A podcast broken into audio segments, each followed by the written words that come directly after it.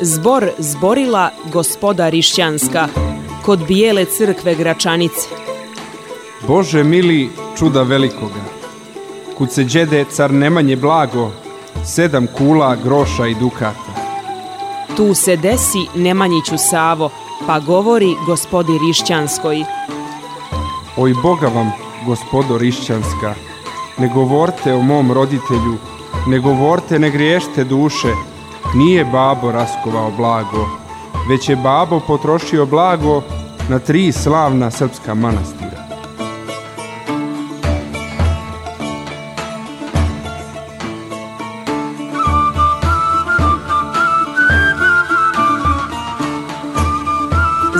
Zborila gospoda Rišćanska. Zbor zborila gospoda Rišćanska. Pomaže Bog, poštovani slušaoci radija Slovo Ljubve. U današnjoj emisiji Zbor zborila gospoda Hrišćanska iz naše bogate arhive donosimo izvanredno predavanje protojereja Stavrofora profesora doktora Radomira Popovića o Svetom Simeonu Mirotočivom, koje je održao 2008. godine u okviru misionarskih predavanja Verskog dobrotvornog starateljstva Arhijepiskopije Beogradsko-Karlovačke u sali Patrijaršije Srpske u Beogradu. Ovo predavanje zabeležio je Jovo Bajić. Sveti Simeon Mirotočivi, o čijem životu su savremenici ostavili dosta podataka, je ličnost 12. veka. Početkom tog veka je rođen, u tom veku je delovao na istorijskoj sceni i poživeo nepunih devet decenija. Njegovu vladavinu karakterisalo je otačestvo ljublje i duhovno vezivanje za istočno romejsko carstvo, kada, kao i vladalac, brani čistotu pravoslavlja i revnuje za pravoslavnu veru. On je monah, veliki podvižnik, učitelj, ravnoapostol i na kraju svetitelj. Ovo je zaključak koji bi se mogao izvesti iz predavanja protojereja Stavrofora doktora Radomira Popovića, redovnog profesora Bogoslovskog fakulteta u Beogradu, održanog 26. februara pod naslovom Sveti Simeon Mirotočivi pravoslavlje u srpskim zemljama. Predavanje je održano u sali Patrijaršije u okviru Pravoslavnog narodnog univerziteta. Organizovala ga je Versko dobrotvorno starateljstvo arhijepiskopije Beogradsko-Karlovačke.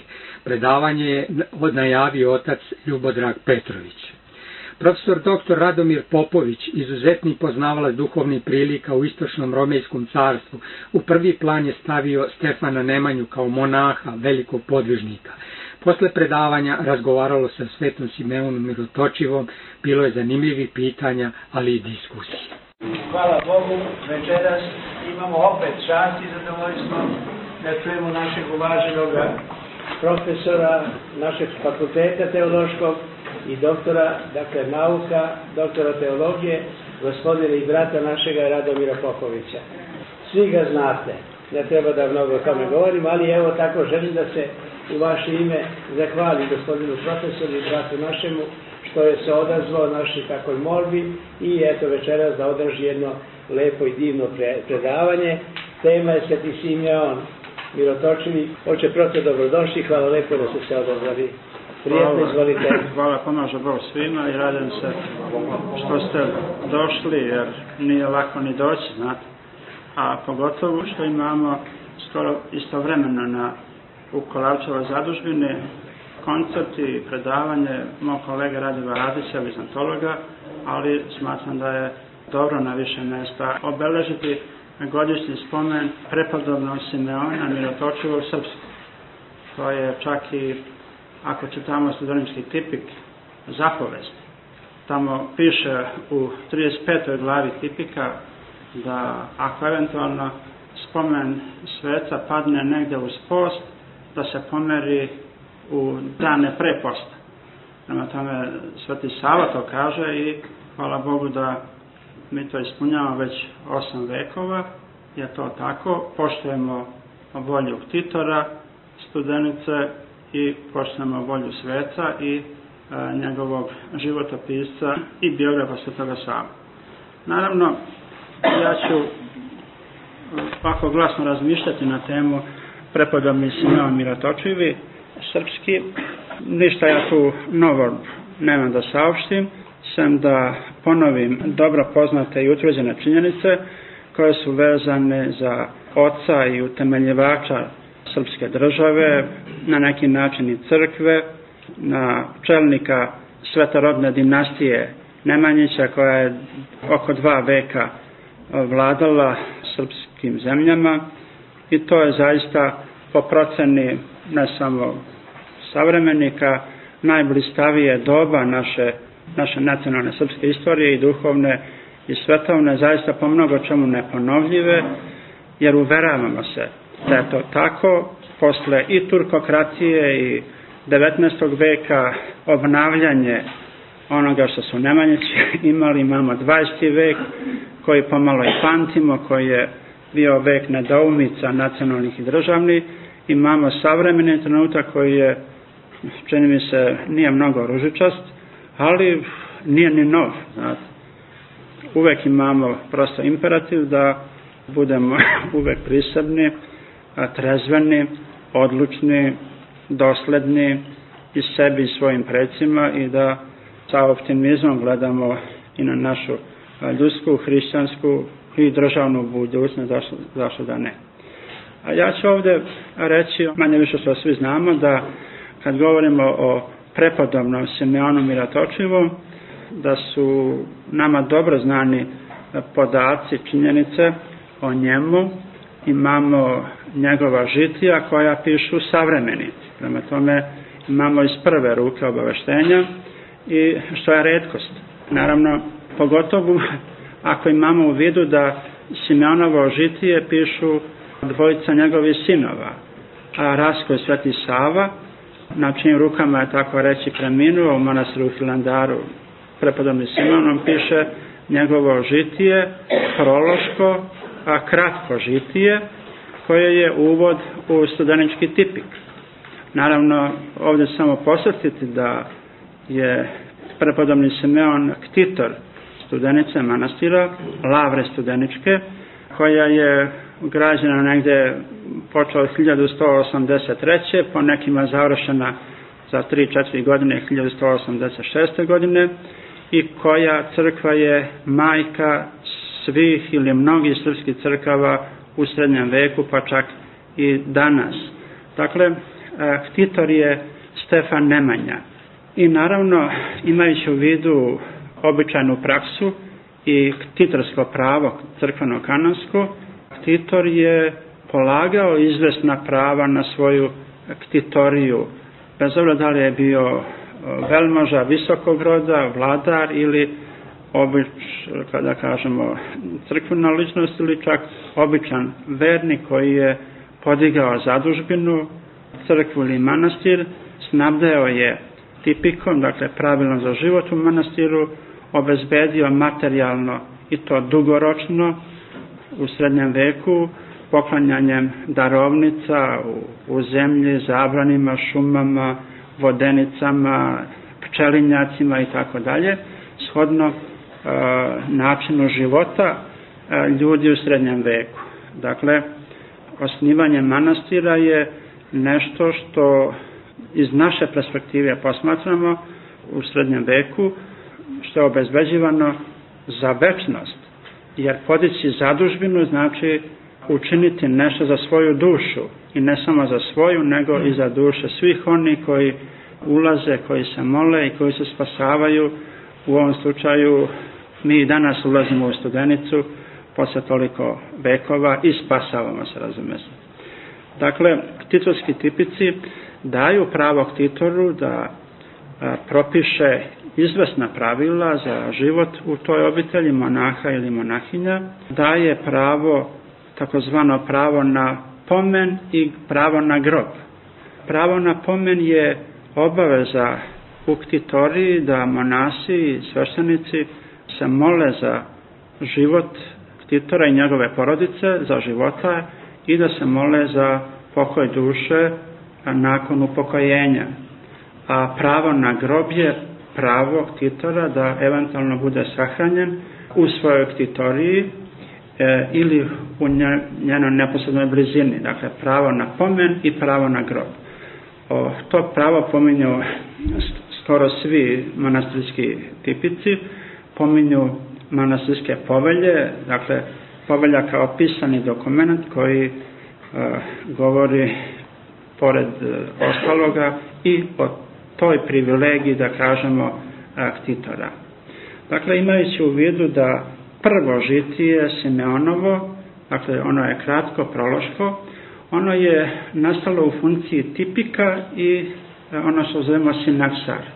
Dakle, čitano je žitije sveca na dan godišnjeg pomena zajedno sa tipikom, kad je vršen e, svečani godišnji pomen u manastiru Studenici, odnosno i u Hilandaru. Dakle, Sveti Sava u svom žitiju svoga oca piše samo o Simeonu kao monahu i ne ide dalje, ne bavi se njegovim ranijim životom i naravno pogotovo u službi koju je napisao svome ocu.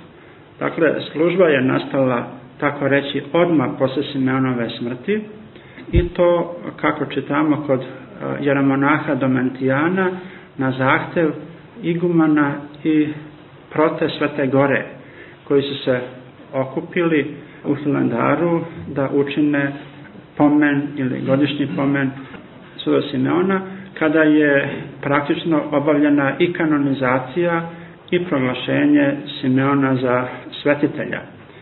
Dakle, Sveti Sava prosto to radi po zapovesti Svetogoraca, gde je prepodobni Simeon okončao svoj ovozemaljski život. Naravno, drugo žitije koje je nastalo možda deceniju ili možda malo više kasnije, piše Stefan Provenčani, kralj, potom je monah Simon, takođe piše žitije svoga oca. Ono je nešto opširnije i osvetljava malo više i da kažemo Simeona Stevana Nemanju kao svetovnog vladara. On polazi od njegovog rođenja, razume se ukratko, opisuje ukratko njegovu vladavinu, nedoumica te vladavine i naravno i događaja vezane za njegov odlazak na Svetu goru, primanje najpre monaškog postriga, bavljenje na Svetoj gori, izrada Hilandara, prenos mošti u Srbiju, u Studenicu i opisuje neka od čudesa koja se događala na njegovom grobu u manastiru Studenici. Možemo reći da je po svom obimu Stefanovo žitije opširnije, kompletnije je, istoričnije, daje više istorijskih podataka, što zanima pre svega istoričare ili istoričare književnosti. I naravno imamo treće e, Simeonovo žitije koje je nastalo šest ili sedam decenija posle, 60. godina ili 70. 13. veka, a čiji autor je Ramona e, Domentijan, svetogorac, hilandarac, učenik Svetoga Save, koji je također dobro obavešten. On je bio Savin verni učenik, veoma obrazovan, dakle pismen. On je neprekidno u Svetoga Savu, prati ga na njegovim putovanjima po svetoj zemlji i Bliskom istoku i beleži u detalje u pojedinosti sve događaje vezane za Savino, ne samo putovanja, nego uošte za njegov rad. Domentijanovo žitije najopširnije imamo ga Dakle, sva ova žitija imamo i u prevodu na savremeni srpski jezik, imamo jedno savremeno izdanje pre oko 20 godina i Domentijan je opširan, detaljan, on je svetogorac koji dobro poznaje sveto pismo iz starog i novog zavata, posebno psaltir, on veoma umesno u naraciji, u pričanju životopisa uklapa odeljke svetoga pisma iz staroga zaveta i novog zaveta, tako da običnom čitavacu koji nije hrišćanin možda i koji nije teolog, malo izgleda to pisanje dosadno, duge rečenice, pravi velike ekstruse, ponovo se vraća i tako dalje. Tako su otprilike u, još u 19. veku neki naši istraživači, istoričari ili istoričari književnosti procenili Domentijana, čak i diskvalifikujući ga nepravedno razume se. Tek čini mi se u novije vreme Domentijan je u našoj naučnoj i istorijskoj kritici dobija sve više ono pravo mesto. On je pre svega monas, svetogorac, on to vidi sve očima monaha, podvižnika koji je ostavio svet, ovozemaljski i on događaje ljude, ličnosti upravo tako i posmatra. Naravno, kada govorimo o savremenim obaveštenjima, u izvornom smislu nama je veoma dragocena Simeonova povelja za manastir Hilandar, koja se datira u 1198. godinu, godinu početka izgradnje ili bolje reći obnove manastira Hilandara u Milejma na Svetloj gori. Ta povelja je manje više poznata, ona je zanimljiva kao savremeni dokument. Verovatno je nastala na, tamo na Svetoj gori. Simon je vratno izdiktirao nakome od, od monaha i ona u izvornom smislu reči je takođe e, veoma dragocena. Ova godina je bila 810. godina početka građenja Hilandara, to je jedan veliki jubilej, e, jer e, posle Studenice svakako Hilandar je veoma značajna naša duhovna tačka i oslonac sve do danas i to čini mi se nezamenljiva tačka oslonca, a utemeljivač je Sveti Simeon i Sveti Sava. Ako budemo stigli, ja ću možda navesti neka mesta iz te povelje koja je veoma dragocena i veoma zanimljiva. Svakako da u izvornom ili kako bi rekao, obaveštenom smislu reči, život prepodobno Simeona i njegovo vreme je veoma potrepljen, dokumentovano doba e, i tu nema, moćen mi se nedoumica, okolnosti e, u kojima je živeo prepodobni Simeon, to je druga polovina 12. veka i to skoro možemo reći ceo 12. vek. Svetac je živeo oko 86 ili 7 godina, dakle ceo 12. vek je njegov vek, doba koje je dobro poznato i u našoj nacionalnoj istoriji, rasvetljeno i u široj evropskoj istoriji zapadnih naroda i država i nama susedne Vizantije i okolni država. To je zaista vreme koje je veoma bogato događajima, vreme velikih promena, ne samo na našim balkanskim prostorima, nego čak i u samoj Vizantiji, pa i u zapadnom svetu i Stefan Nemanja je bio savremenik tih događaja. Osobito, ja ću ovde, ne ulazeći naravno u nekakvu detaljnu analizu svi ti događaja i pojava, neke ću najvažnije pomenuti, koje su i vama poznate, samo da ilustrujem to vreme koje je bilo veoma dramatično, uzburkano vreme, vreme čak nedoumica u smislu orijentacije i državne i nacionalne i, i političke i verske ako hoćete, dileme kojim je bio izložen ne samo Stevan Nemanja nego i cela srpska država u to doba i, i sama Vizantija.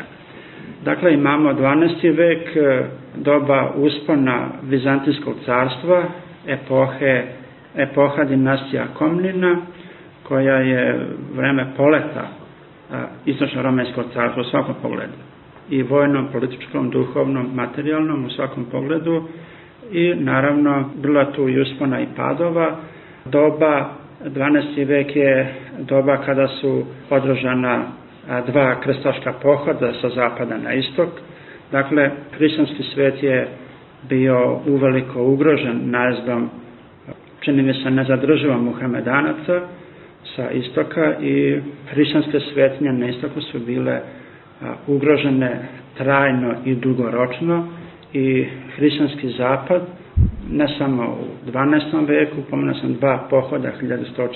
i 9 i drugi 1189. i 90. Ubrzo je bio i četvrti pohod koji Sveti Simeon nije dočekao 1203.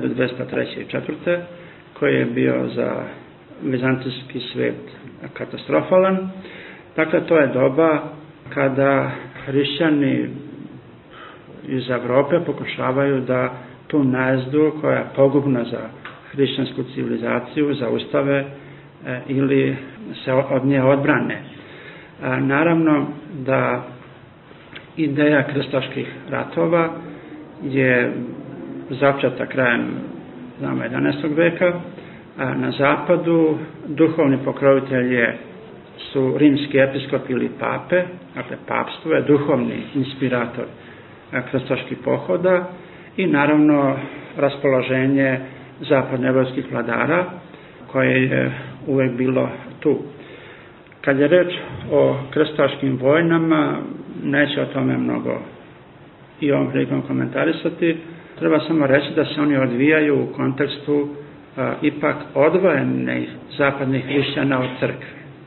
A to podvajanje se nije dogodilo tako davno, polovinom 11. veka 1054. godine i krstaške vojne, hteli ili ne, moramo u tom kontekstu posmatrati. E, jer pokazalo se, naravno i u stvarnosti, da je da su krstaški ratovi preduzeti sa zapada bili, čini mi se, pogubniji za same istočne hrišćane nego za muhamedanski svet. A to se može ilustrovati i pokazati, jer zapadni svet, odnosno zapadni hrišćani su te vojne pohode koristili za da privedu šizmatike rimokatolicizmu i rimocentrizmu, ali sad vam napomenom. Ovo pominjem jer je vezano i za Stefana Nemanju. Naćemo čak u užbenicima da je dva puta kršten, da je dočekao u Nišu Nemaškog cara Fridriha I. Barbarosu 1189. godine, koji je išao u treći pohod i tako dalje. Dakle, sve to ima nekakve veze i zato se malo tu i zadržava. Naime, velika šizma je samo nekoliko napomena, dakle desila se polovinom 11. veka. Znamo i zbog čega. Ali, kako bi rekli, običan svet, hrišćanski i na zapadu i na istoku, o tome nije bio mnogo obavešten, tako da su tek krstaški ratovi onako realno na licu mesta pokazali šta velika šizma ili raskol jeste. Upravo na primjeru četvrte krstaške vojne to se najbolje vidi i većina istoričara smatra da je velika šizma cementirana u četvrtom krstaškom ratu kada su latinski krstavci slušili istočno romansko carstvo ili šezlansku Vizantiju, osnovili latinsko carstvo u Carigradu i kada su praktično pokazali da je za njih isto šizmatički, jer je papa Inokentije III u Carigradu na katedru Svetog Jovana Zatovstog postavio svog patrijarha. Izvesno Tom Rozinija iz Mlečana, iz Metaka. Dakle, nije priznavao istočnu jerarhiju, episkopa, sveštenstvo i tako dalje. Savremenici beleže da krstaši, radi se o hiljadama ljudi, čitave porodice, plemići i tako dalje, da nisu priznavali ni krštenje pravoslavnih, ni sveštenstvo, ni jerarhiju, svete tajne i tako dalje. Dakle, radi se o jasnoj diferencijaciji, o podeli koja je, kažem, bila tako vidljiva i očigledna a, u to doba. Naravno, nema to mnogo veze sa savremenom idejom ekumenizma koju zapadni hrišćani latentno i konstantno sprovode, naravno sa nekih drugih pozicija i sa drugih činjeničnih pozicija. Ali ono što se desilo na početku 13. veka u sudaru istoka i zapada a, i u duhovnoj sferi pokazuje da je u stvari velika šizma tu nažalost potvrđena. Svakako da je Stefan Nemanja i kao veliki župan, dakle titula sa kojom on vlada do kraja života, do 1196. godine, on to i pominje, on pominje svoju titulu u Hilandarskoj povelji 1198. godine. On kaže da je po Božjem promislu Bog dao da su Grci carevi, da su Ugari kraljevi, a ja sam samo veliki župan i on je time zadovoljan, jer to je Božji poredak stvari u ikumeni ili u vaseljeni. Naravno, ovde Stefan Nemanja razmišlja u duhu, kako mi to kažemo, političke ideologije Vizantijskog carstva. Jedan je Bog na nebu, jedan je car na zemlji, ne može biti dva cara u hrišćanskoj vaseljeni, taj car sedi u Konstantinopolju, a drugi su kraljevi, župani, despoti, sevastokratori i tako dalje, kako već idu titule, ali car je jedan. I Vizantinci su naravno do kraja ostali dosledni toj, kako mi to kažemo, političkoj ideologiji razmišljanja o svetskom poredku stvari. Naravno, ta ideja na, na zapadu da ne idemo dalje počela se negira već u 9. veku od vremena Karolinga, Karla Velikog i, i tako dalje, ali je pravoslavni istočni svet u tim kategorijama razmišljao i tako razmišlja uh, Stefan Nemanja. A Stefan Nemanja je pre svega dugo je živeo, zamislio srednji vek 86 godina, dugo je vladao, da li od 1159. ili 1166. godine, bio na čelu većeg dela srpskih zemalja. Srpske zemlje je značajno proširio, ratujući i sa Vizantijom, i sa Ugarima. Srpske zemlje je proširio i u, i u Primorju, tako da je, možemo reći, zaokružio i utemeljio možemo reći, granice e, srpske srednjevekovne države, koje su se, naravno, uve, bile su uvećavane u 13. i u potanjem 14. veku, ali temelji su e, negde tu postavljaju njegovo vreme. E, naravno, i u njegovi životopisti govore da je a, rođen negde u Ribnici, kod današnje Podgorice, da je sticam okolnosti da je tamo kršten, vratno od rimokatoličkih sveštenika i da je po dolasku u Ras, u Rašku oblast, obavljeno, kako kažu, drugo krštenja po znacima navoda, u što ja lično ne verujem, nije verovatno po drugi put kršten, ali svakako životopisti ističu taj moment njegovog i ne samo njegovo, nego opredeljenja Raške države u to doba i njeno duhovno vezivanje za istočno ramejsko carstvo. Stefan Nemanja je i ratovao protiv Vizantije, čak je, znamo za onaj moment kada je kao zarobljenik vođen u triumfalnoj povorci u Carigradu sa konocem oko vrata, dakle bos, gologlav i tako dalje, ali je na račun Vizantije i osvajao i naravno sa Bizantincima je i prijateljevao, vidjet ćemo i kako, i duhovno, što je vrlo bitno, on je vezan za istočnu pravoslavnu crkvu, on i njegova država. Kad razmišljamo o Stefanu Nemanju, o prepadnom Simeonu, onda po mene treba istaći upravo taj moment, njegovu duhovnu orientaciju i njegovu duhovnu podlogu na kome je, kako mi to danas kažemo, možda malo vulgar, vulgarno, ali duhovno i ideološki utemeljena srpska država. Sve što je učinjeno u doba Stefana Nemanje bila je dobra priprema i podloga za ono što je Sveti Sava učinio ne samo 1219. godine. Sveti Sava nije vladao, nije bio političar, ali je e, došao na jedan prostor i teren koji je nekoliko godina, decenija unazad do Stefana Nemanje i Stefana Provenčanog bio pripremljen da dobije samostalnost ili autokefaliju e, Srpske crkve. Dakle, e, nije Sveti Sava to odjednom i iznenada prosto učinio, nego je e, imao veoma dobro, dobru podlogu za to i već pripremljen teren. Ovde ja sam skloniji da prepodobno Simeona vidim kao monaha, kao svetitelja, čak više nego kao državnika i političara, mada je i to bio. O njegovi životopisci sva trojica, a tako i u službama koje imamo, njemu posvećenim, oni ga pre svega vide kao uzorni hrišćanski i monaški lik.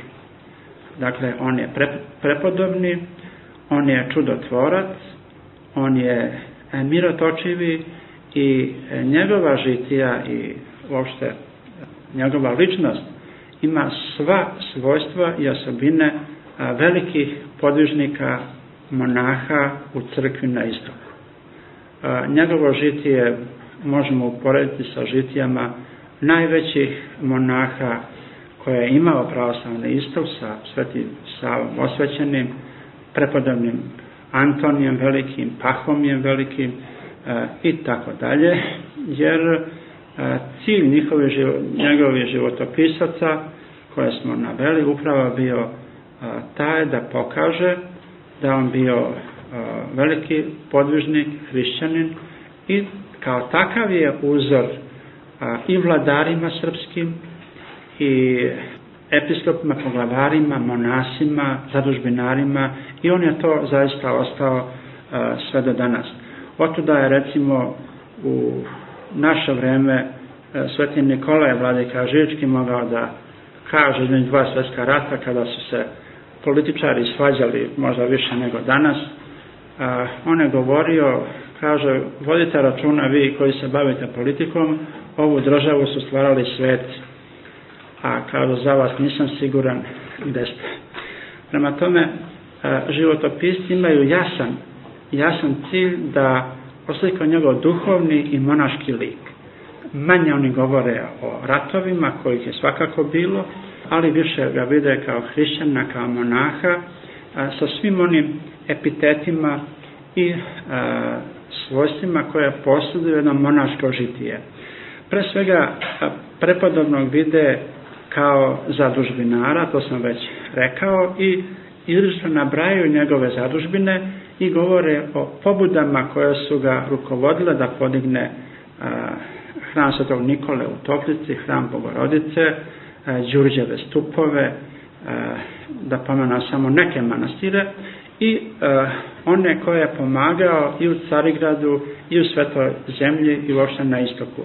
Dakle, on je zadužbinar, a, on gleda u meta istoriju, on je zemaljski vladar, sve je ostavio na saboru u rasu 1196. godine, odrekao se prestola, porodice, srodnika, svojih vernih čada i a, poput struševa monaha ide najpre u Sredenice, odatle ide na Svetu goru. Dakle, taj moment a, ističu njegovi, njegovi životopisci. A, monah je neko ko, ko je tuđinac, ko stranstuje. Mi smo, na zemaljski život je prolazan, mi smo u prolazu. 50, 60, neko 100 godina, ali mi smo u prolazu. A, monah je neko ko je stranac malta na ovom svetu. On napušta sve, on je monahos, monas, on je sam, ali, ali sa Bogom, sa svetima i sa anđelima i e, svi životopisci tako Simeona vide. On napušta otačastvo i, i odlazi. Sljedeći moment koji životopisci podlače jeste njegovo stradanje. Prepodobni Simeon koji je bio silni vladar, pobeđivao i Vizantince i, i druge, i svoju braću i tako dalje, koji su ga napadali, on je neko ko strada. Naime, to drevno monaštvo je, se temelji na mučeništvu. U prva tri veka hrišćani su ubijani, ali tako, od četvrtog veka sa slobodnog hrišćanstva u monaškim sredinama su popularna žitija hrišćanskih mučenika i a, monaški tekstovi govore o, o stradanju monaha, o stradanju savesti. Monah je neko ko celo života nosi krst i strada dakle o mučeništvu savesti, kako kaže naš vladika Atanasije. I e, tako vidimo e, Simeona, koga najpre braća su ga bacili u kamenu pećinu. Imamo to mesto kod, u njegovom žitiju, a povod je bio upravo građenje zadužbina u Toplici, Svetog Nikola i Bogorodice, jer je e, tim gestom izazvao save svoje braće, e, Stracimira, Miroslava i drugih i Tihomira, koji je bio po principu primogeniture prvi i oni su ga strpali u kamenu pećinu, koliko je tamo bio, ne znamo. I e, kaže da Matijan, kao što su braća Josifa prodala u Egipat jer su mu zavideli i tako dalje. Tako je i Stefan strada. On se molio svetom Georgiju, bio oslobođen i podiže Đurđeve stupove kod, u, u, kod Rasa, koji danas stoje i obnavljaju se. Dakle, dalje, kad boravi na Svetoj gori kao monah e, sa sinom Savom, on je došao u Vatoped, jel tako manas igrački, obdario je taj manas i mnoge druge i hteo da vidi celu Svetu goru, ali bio je već na znaku snage, pa su između dva konja su imali neki guber, pa su ga nosili, prosto nije mogao da ide, a imao je jaku želju da obiđe sve monahe, sve manastire i sve isposnice i to se vidi kao gest njegove revnosti, ako hoćemo, i stradanja. A takođe je prepodobni podvižnik, on uh, ceo život provodi u podvigu. Kao državnik, kao veliki župan, neprekidno vodi ratove, brani čistotu pravoslavne vere, on je i vojnik, on ima i mač, on brani hrišćanske zemlje i hrišćanske svetinje, brani čistotu pravoslavlja i, e, kažem, tako ga vide e, njegovi e, životopisci. Prepodobni ovde možda nedomicu i danas izaziva njegova pravovernost i njegova revnost za pravoslavnu veru. Obično se kaže da je, progon, da je progonio jeretike i jeresi njihove pristalice. To stoji u žitiju posebno kod Stevana Pravovenčanog, i kod Domencijana da je progonio opaku i zlu jeres. Ne kaže se koju jeres, pominje se arije izričito i pominje se opaka i mrska jeres. Nigde bogomili se ne pominju, to je nekako razmišljanje naknadno, ali u svakom slučaju da je jeresi i jeresi grupa bilo u to doba i u Vizantiji i u srpskim zemljama, naravno reč je načelno o jeresima koje su ugrožavale e, čistotu hrišćanske vere u hrišćanskog Boga kao svetu trojicu. Zato se pominje Arije, pominju se možda nekakvi lažni revnitelji u smislu montanista, čak duhoboraca i tako dalje, kojih je bilo u ranoj crkvi i čijih ostataka je uvek bilo i danas ako malo bolje se zagledamo kako se gde šta čita ili piše, čak i u teološnim časopisima, oni malo bolje će videti da ima nepreciznosti, e, ne u smislu jeresi, nego u smislu da nepoznavanja vere i možda izvesnih skretanja. Dakle, prepodobni Simeon je neko ko čuva čistotu pravoslavne vere, on revnuje za apostolsku veru, veru svetih otaca, za njenu čistotu, jer kad pominjemo onaj sabor na kome je i episkop Jestatije, gde su gde dolazi, tamo se kaže, dođe jedan vojnik pa kaže prepodobnom da ima u njegovoj zemlji jeretika, opakih i mrs, mrski, pa je došla jedna supruga nekog velmoža koja je bila udata za velmoža koji je bio jeretik i kaže kako oni naopako veruju, pomenu se kumiri, vraćanje i tako dalje i da je e, Nemanja bio vrlo oštar i revnostan, neke je protarao, a neke je pogubio, njihovu, a, njihovu imovinu je oduzeo i tako je očistio zemlju od jeretika. Naravno, životopisci pišu u, u duhu žitini tekstova vizantijskih pisaca. Znamo da u periodu Vasiljanskih sabora u rano vizantijsko doba da je vladar brinuo o čistoti pravoslavne vere.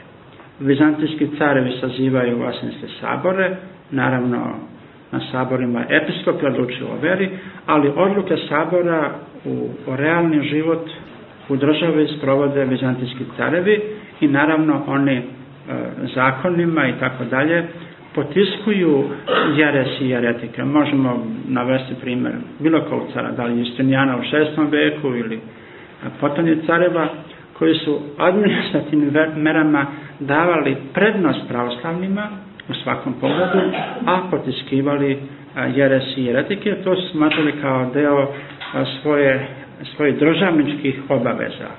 Ili kako je govorio, kako se govorio za Konstantina Velikog, da je, on se nije a, mnogo mešao u siptilne teološke probleme, car Konstantin Veliki, ali se brinuo o crkvi i njegov životopisac govori o njemu kao episkopu crkve spolja. Dakle, car je episkop crkve spolja.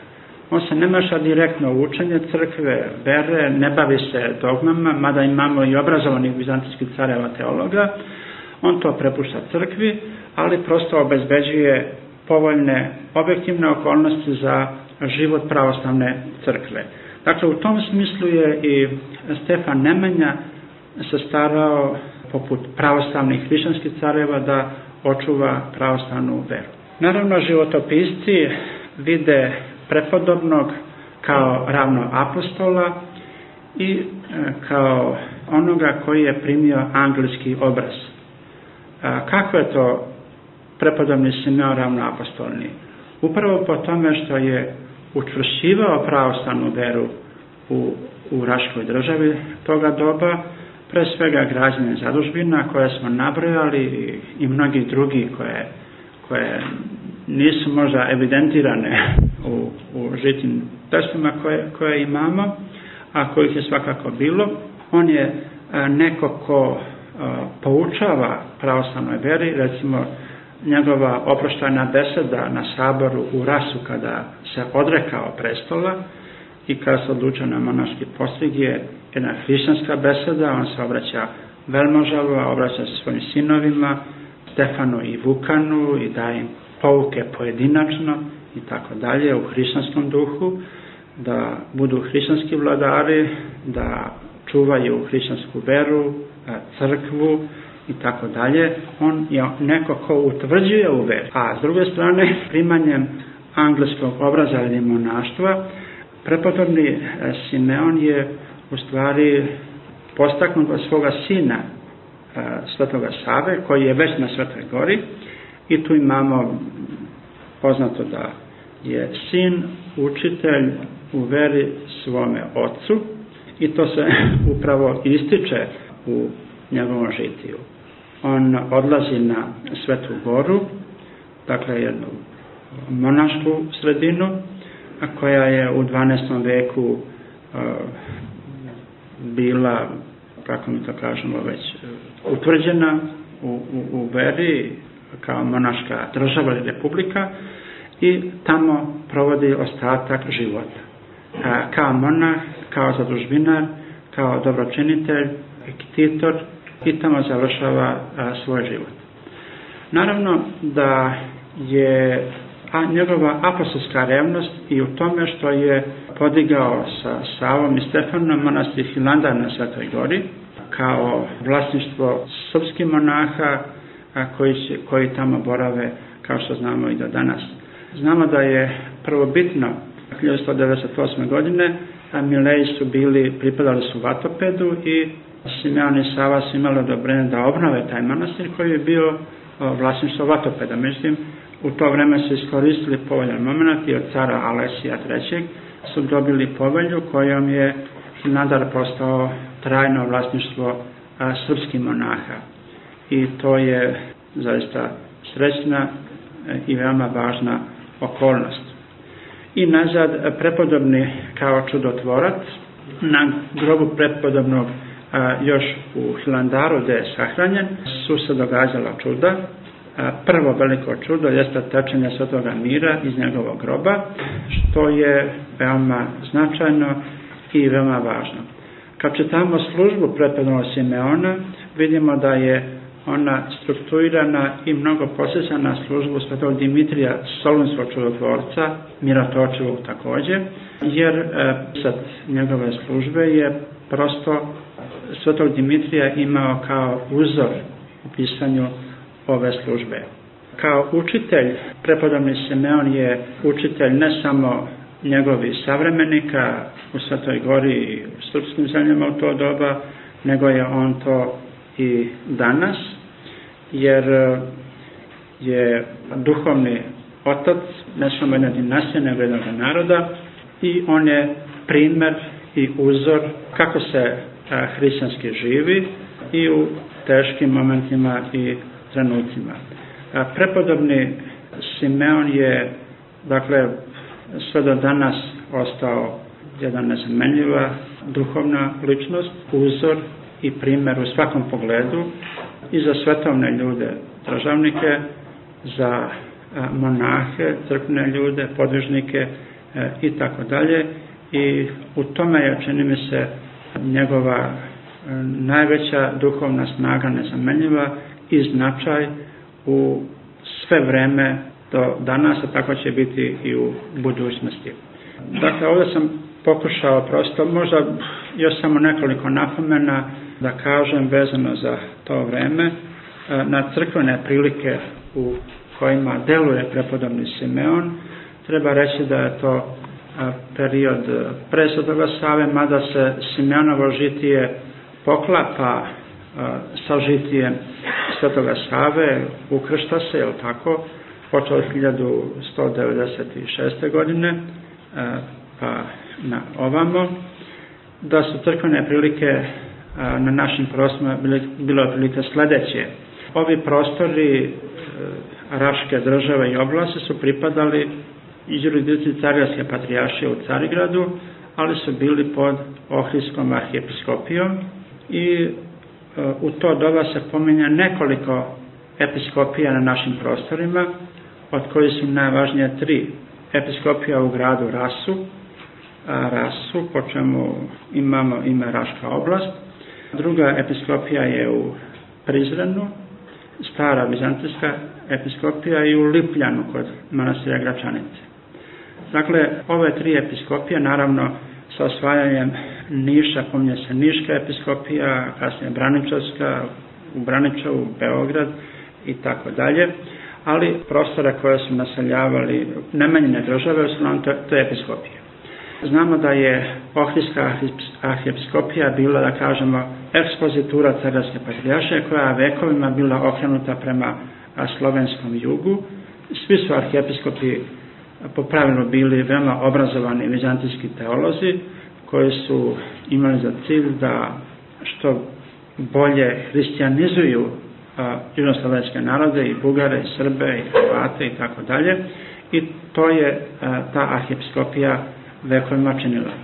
A, primorske srpske zemlje su svakako a, bile okrenute u crkvenom pogledu prema zapadu, konkretno prema Barskoj arhijepiskopiji i Dubrovačkoj arhijepiskopiji i naravno kad govorimo o Stefanu Nemanju i o Nemanjima uopšte, prisustvo primokatolika, vernika je svakako bilo nešto što je crkvena stvarnost. Dakle, ove pomenute episkopije su pripadale Isusnoj carjevskoj crkvi, a su pripadale zapadu i uglavnom je ta konstelacija ostala do vremena Svetoga Save, koji je 1919. godine, kao što znamo, stvorio a, još osam novih episkopija koje su bile raspoređene već znamo kako, a čije je središte bilo u manastirima koji već postoje, da li srpskim ili onima iz vizantijskog perioda i tako je zaokružena jedna crkvena celina, arhijepiskopija sa središtom manastiru Žiči koji je građen 1220. godine. Dakle, e, znamo čak za imena episkopa a u rasu koji su bili Grci sigurno, pominje se episkop Leontije, episkop Jerstatije i episkop Kalini koji je zamonašio Stefana Nemanju, svi su oni bili Grci, naravno i Stefan Nemanja sa njima uvek imao dobre i a, korektne odnose. Svakako da je a, bogoslužbeni jezik je bio a, možemo reći starosrpski, već možemo govoriti da je starosrpski, na kojima se služilo i propovedalo u, u crkvama u Raškoj oblasti. Naravno, uvek su činjeni prevodi bogoslužbenih drugih tekstova sagrašno na Južne Slovena. Dakle, otprilike crkvene prilike političke, objektivne u doba u kome živi Stevan Nemanja, prepodobni Simeon su uglavnom ove koje sam pokušao ukratko da iznesem. Naravno, ima tu dosta detalja a, u koje se ne bi upuštao, ali ako ima neko možda da dopune nešto, ja ću vrlo, vrlo rado to prihvatiti. Hvala na pažnji.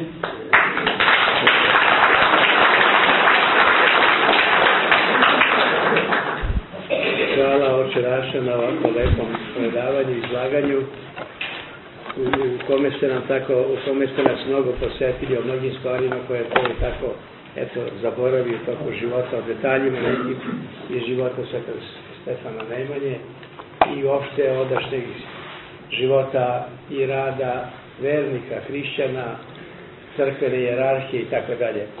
Dakle, ako neko nešto ima da pita, braći da. sestre, izvolite, sigurno da imate. Slobodno, izvolite, dopunite, kritikujte, ja sam, kažete. A, da.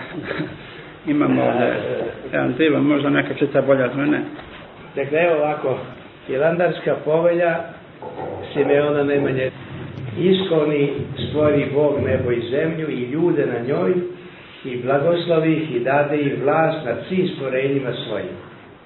I jedne postavi careve, druge knezove, druge gospodare i svakome dade pasti stada svoje i čuvati ga od svakoga zla koje nailazi na njih.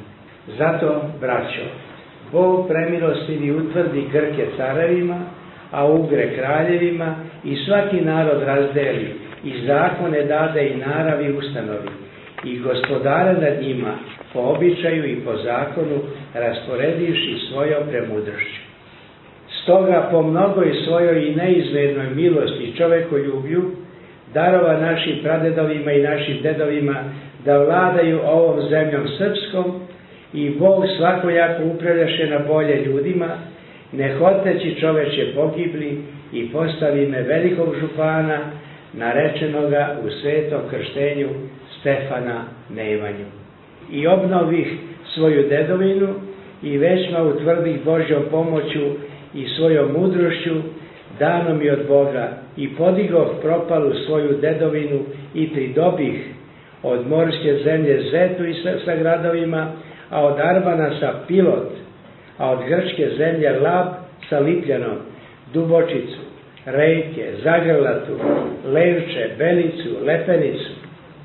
I Božjom pomoću i svojim trudom to sve pridobivši pospešenje Božjim, pošto je moja vladavina odasud primela mir i tišinu, počeh posticati misl svoju i poučavati um svoj, da želim i da se brinem za dušu svoju, u koji će broj biti ubrojeni u dan strašnog suda i kako bi mi bilo moguće primiti anđelski i apostolski obraz i posjedovati vladičinim rečima.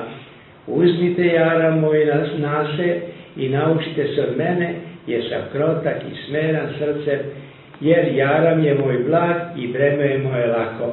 Naravno i tako dalje. Evo sad ste čuli uglavnom ovaj deo, sad će je dovoljno. Da, da, ima, ima a, samo ime Nemanja objašnjavaju filolozi, dolazi od starozavodnog imen, imena Nemija, Nemija a, koji je bio, živeo je naravno u starom zavetu i reč o čoveku koji je povratio jevreje iz roblja u Babilonu i obnovio Jerusalimski hram i jevrejsku državu pre Hrista posle robovanja u vreme seksa u Persiji, a Nemanja je neko, čuli smo i ovde, ko je obnovio propalu dedovinu i e, mnogi to ime dovode u vezi sa Nemijom, odnosno Nemanja, što se poklapa prosto i tekstualno, a i po ideji.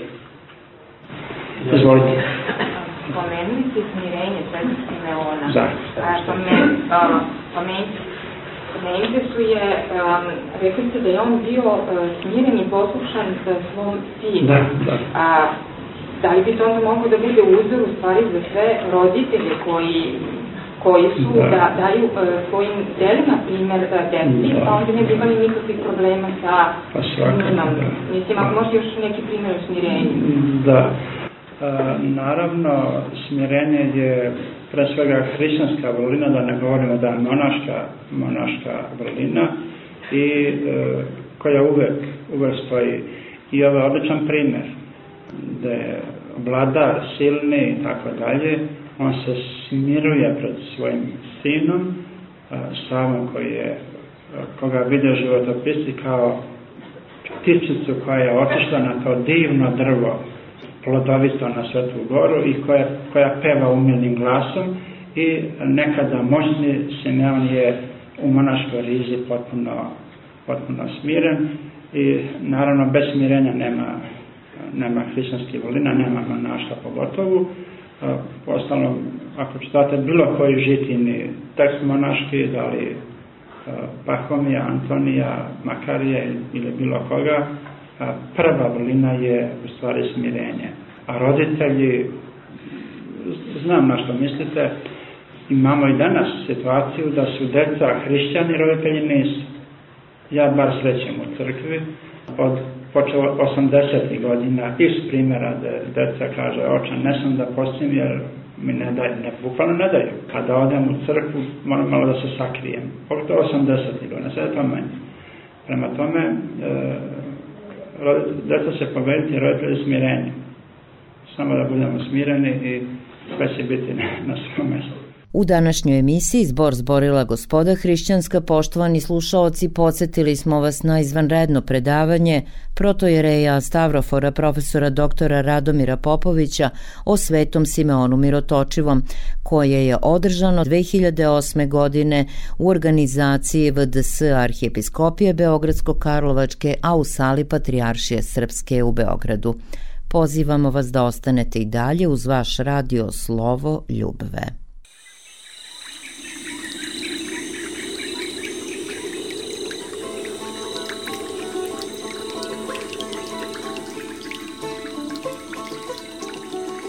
U glas viknu gospoda Rišćanska. Prosto da si Nemanjiću Savo, prosta duša tvojih roditelja, prosta duša čestito tijelo, što nosili svijetlo vam bilo, što rodili sve vam sveto bilo.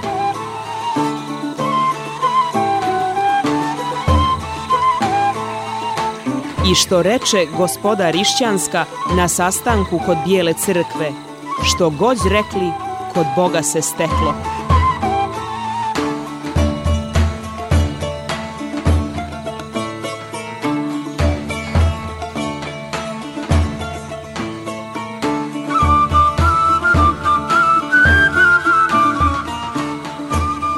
Zbor zborila gospoda Rišćanska. Zbor zborila gospoda Rišćanska.